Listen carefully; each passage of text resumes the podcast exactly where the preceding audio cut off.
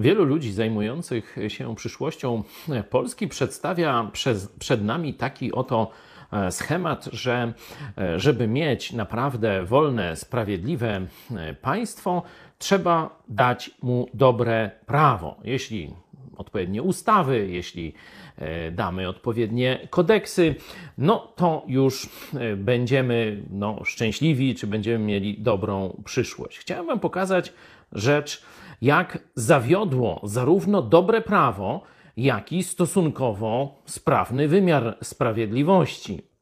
Oto mamy sąd nad Jezusem. I co czytamy? To jest Ewangelia Mateusza, 27 rozdział. Lecz arcykapłani i cała Rada Najwyższa szukali fałszywego świadectwa przeciwko Jezusowi, aby go skazać na śmierć.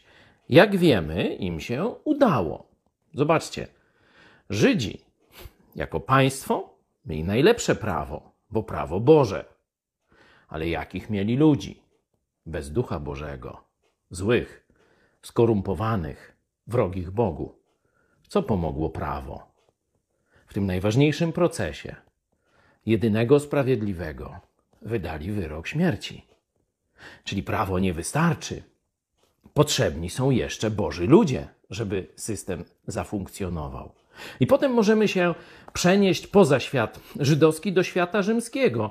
Oto Piłat, najbardziej sprawna machina państwowa w dziejach świata. Oczywiście też na prawie rzymskim do dzisiaj uczą się wszyscy studenci prawa. I co się dzieje?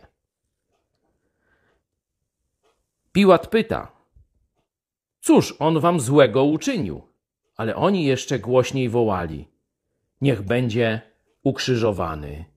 I co pomogła machina państwa? Nawet człowiek, który widział, że Jezus jest niewinny. Ani samo prawo, ani system sądowniczy nie pomogą, jeśli nie będzie tam Bożych ludzi.